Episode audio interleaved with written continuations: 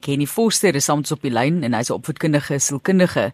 En ons gaan eersins kyk na wat is 'n atipiese kind en ek raak sommer opgewonde want ek dink aan al die dinge wat hierdie persoon op 'n ander manier doen as die norm. En ek weet nie hoekom dit my opgewonde maak nie, maar ek weet daar is geweldige uitdagings ook hierso. Henny, jy moet vir ons verduidelik eerstens wat is 'n atipiese kind vir die wat nie die konsep verstaan nie.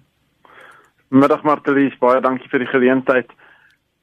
'n Martelies 'n atipiese kind is 'n kind wat ehm um, dinge op 'n ander manier doen. In ander woorde, hulle hulle hulle fisiese groei of hulle manier van dink, ehm um, hoe hulle voel, hoe hulle optree, hoe hulle met ander mense ehm um, sosialiseer is nie wat ons gewoonlik verwag van kinders nie.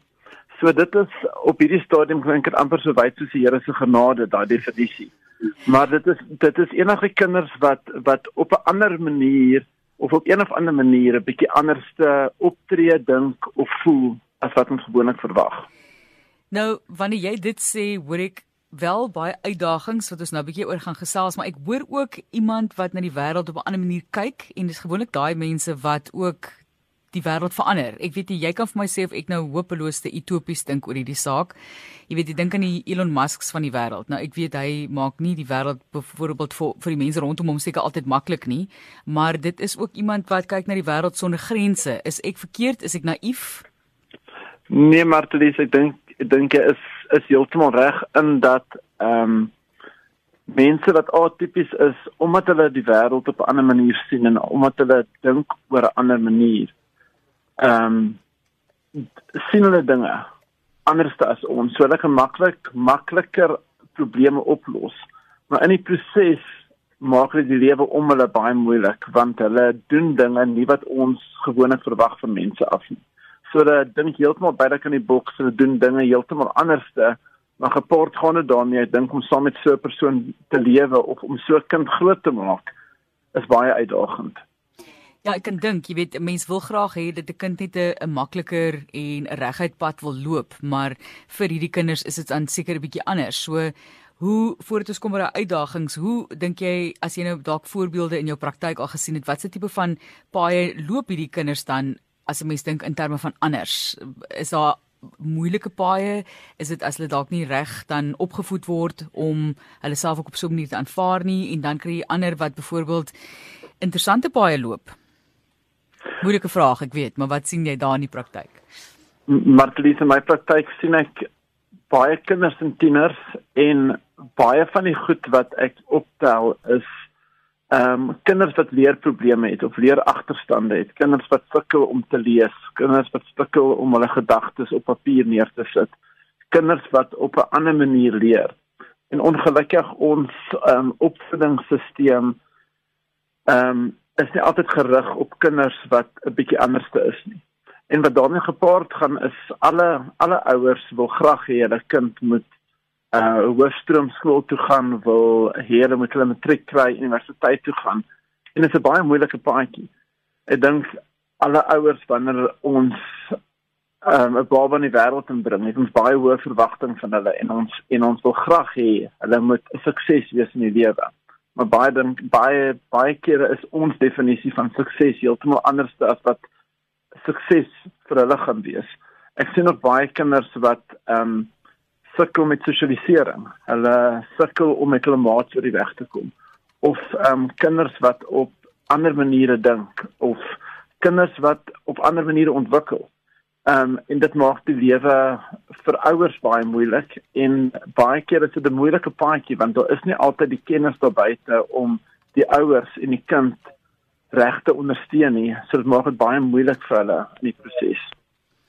Is ons skakel op RSG ons kyk na die uitdagings om 'n atipiese kind groot te maak. So jy het al bietjie daaraan geraak. Wat is die hoof klagtes? Ek weet klagte is nou nie die regte woord nie, maar die hoofdinge wat ouers vir jou sê van die kind wat vir hulle uitdaging is? Martelis deel van die van die probleem is omdat ehm um, ons as ouers verwagtinge het vir ons kinders en hulle lewe nie altyd op na hierdie verwagtinge nie is dit baie moeilik vir ons as ouers want ons het nodig om eintlik deur 'n uh, 'n rouproses te gaan in die sin van ons het hierdie sekere verwagtinge van ons kind en dan in realiteit werk dit nie heeltemal so nie. So dis baie moeilik vir die ehm um, vir die ouer want baie keer sien ek baie van myself in my kind. So baie van die goed waarmee ek miskien gesukkel het, ehm um, is sneller wanneer my kind daarmee sukkel. So ek dink dit is ook van deel van 'n deel van 'n rouproses wat die kind ag wat die ouer moet gaan is dat hulle hulle lewe baie keer in in ontkenning. Hulle sien daar is miskien 'n probleem. Hulle vat hulle kind vir assesserings of hulle hoor by die by die by die onie iets. En dan is dit ontkenning en sê hulle nee, maar dit kan nie so wees nie. Dan later raak hulle raak hulle kwaad daaroor en hulle vra vra oor maar hoekom het dit met my gebeur? Hoekom het dit met my kind gebeur? Het ek miskien iets verkeerd gedoen? Ehm um, en dan later dan soek hulle soek hulle oplossings en dan baie keer gaan hulle na extreme toe en hulle probeer ehm um, oplossings kry vir hulle kinders wat baie keer baie geld kos of hulle gaan soek oor see vir vir ehm um, oplossings vir hulle kinders.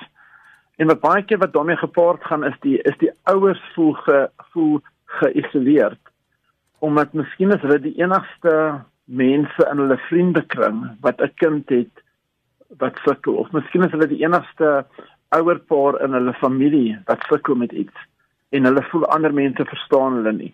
En hoe meer hulle probeer verduidelik hoe meer raad gee hulle vriende en familie en baie keer voel hulle so gefrustreerd want hulle het al hierdie raad gevolg en hulle het al hierdie hierdie um, advies gevolg maar dit maar dit werk nie. En dis dis 'n lewenslange paadjie. Dis nie net iets wat oornag gebeur nie en oornag verander nie dit gaan 'n lewenslange paadjie wees. Ek sien baie kinders wat ehm um, sukkel met leer of kinders wat uh, moontlik op die op die op die spektrum is of kinders wat emosionele probleme het. Dit is 'n lang paadjie vir die kind en vir die ouers. En baie keer vir die ouers baie verantwoordelik ten opsigte van wat met die kind gebeur en hulle probeer hulle kind baie baie beskerm. En in die proses voel hulle baie keer ehm um, depressief of af of hulle voel daar's nie daar's nie ondersteuning vir hulle nie. Dit's omskakel op RSG en ons SMS lyn gee vir ons probleme so ek kan nie nou jou terugvoer gaan lees nie maar stuur my e-pos dalk as jy kan bring by rsg.co.za dalk voel jy jy het 'n atipiese kind of 'n kind gehaat of jou kleinkind is atipies en jy dalk 'n vraag vir ons gas ons sal graag van jou wil hoor. Baie interessante onderwerp tog hierdie om te dek want ek dink daar's baie mense wat voel anders. Kyk anders is moeilik. Soos jy sê Henny dis 'n moeilike pad om te stap maar nie altyd so 'n negatiewe konsep nie. Ek weet dit is baie moeilik om die twee bymekaar uit te bring, maar weer eens soos jy gesê het, mense wil graag sien dat jou kind 'n makliker lewe het.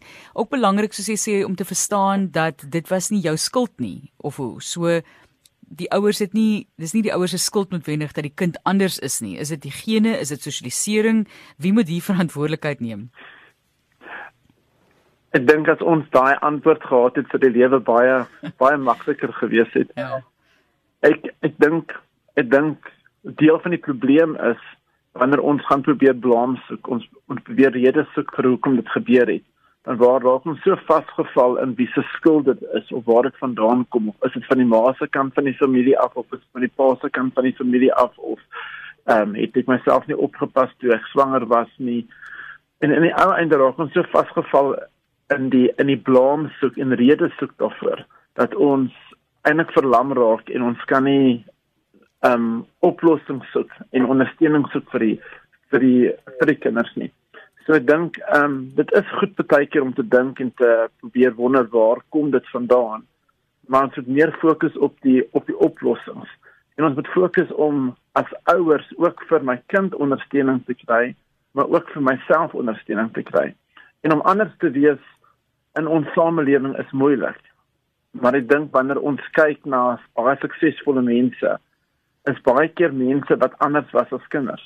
Ehm um, jy het Elon Musk ehm um, genoem wat op skool baie geboelie was omdat hy anders was. Ons dink aan baie suksesvolle sportsterre wat baie groot dinge moes oorkom in hulle lewe en omdat hulle 'n harder paadjie gehad het, het dit hulle deursettingsvermoë geleer en geleer om nie op te gee op hulle drome nie. So wanneer my kind nie 'n maklike paadjie het nie, is dit nie vir my as ouer lekker nie. Maar ek moet dink aan wat leer hulle in die proses? Wat se lewenslesse of sosiale skills leer hulle wat hulle self eendag in die wêreld baie beter kan kan kan toepas. Ja. So om om anders te wees is moeilik. Dis nie dis nie lekker nie. Ek dink dis ook nie lekker vir 'n ouer om 'n kind te hê wat miskien 'n bietjie anders is nie. Ja, daar's 'n prys te betaal daaroor. Ek wil net vir vra in die laastens in dis bietjie meer prakties as jy kortliks en ek weet kortliks is altyd moeilik wanneer jy kyk na 'n komplekse saak soos hierdie maar wat moet 'n mens nie doen met jou kind of optree rondom jou kind wat atipies is nie. Mense dink baie kere dat iemand dalk ook oorbeskermend kan wees van daardie kind. Ja, Martelies, ek dink oorbeskerming is is is een van die groot goed en baie keer wil ons ons kinders ehm um, beskerm van wat ander mense sê, wat ander mense dink. Ek dink ook ons moet oppas wat ons oor die kind voor die kind sê, want baie keer hoor die kinders ons sê goed vir ons vriende of familie of my eggenoot en hulle hoor wat ek sê en dan later begin hulle dink maar ek is ek is anders of die Engelse woord ek is weird en dan begin dit hulle selfbeeld affekteer. Die kinders kry al reeds swaar genoeg want hulle weet al reeds hulle is nie soos hulle maats nie, hulle leer nie soos hulle maats nie, hulle sosialiseer nie soos hulle maats nie. So ons as ouers moet oppas wat te boodskappe ons vir ons kinders gee. En dink die hele ding net daar so rondom is dat ons as ouers moet ehm um, vir my kind waarborg dat ek daar is vir hulle. Ek is lief vir hulle net soos wat hulle is, onverwaarlik uh, lief vir hulle en dat ek uit my pad uit sal gaan om hulle te ondersteun in die proses. En en ons as ouers moet ook seker maak dat ons onsself met mense om omring wat ons sal ondersteun. Hulle gaan miskien nie noodwendig die antwoorde hê nie, maar dit gaan mense wees wat wat wat vir ons kan sê hulle saam met ons op hierdie pad. Ons sê vir jou baie dankie vir daardie insig en dit is 'n komplekse saak. Dit is Henny Foster, opvoedkundige sielkundige wat in ons gesels het oor die uitdagings van 'n atipiese kind grootmaak. Baie dankie Henny. Sterkte met die week. Martlies. Dankie. En Martlies, ek wil nog net sê, ehm um, indien daar mense is wat nog vra het op bellavistashare.org, um, is daar baie bronne en hulp wat mense kan na gaan kyk en webinars en sulke goed wat um, wat wat gemaak is.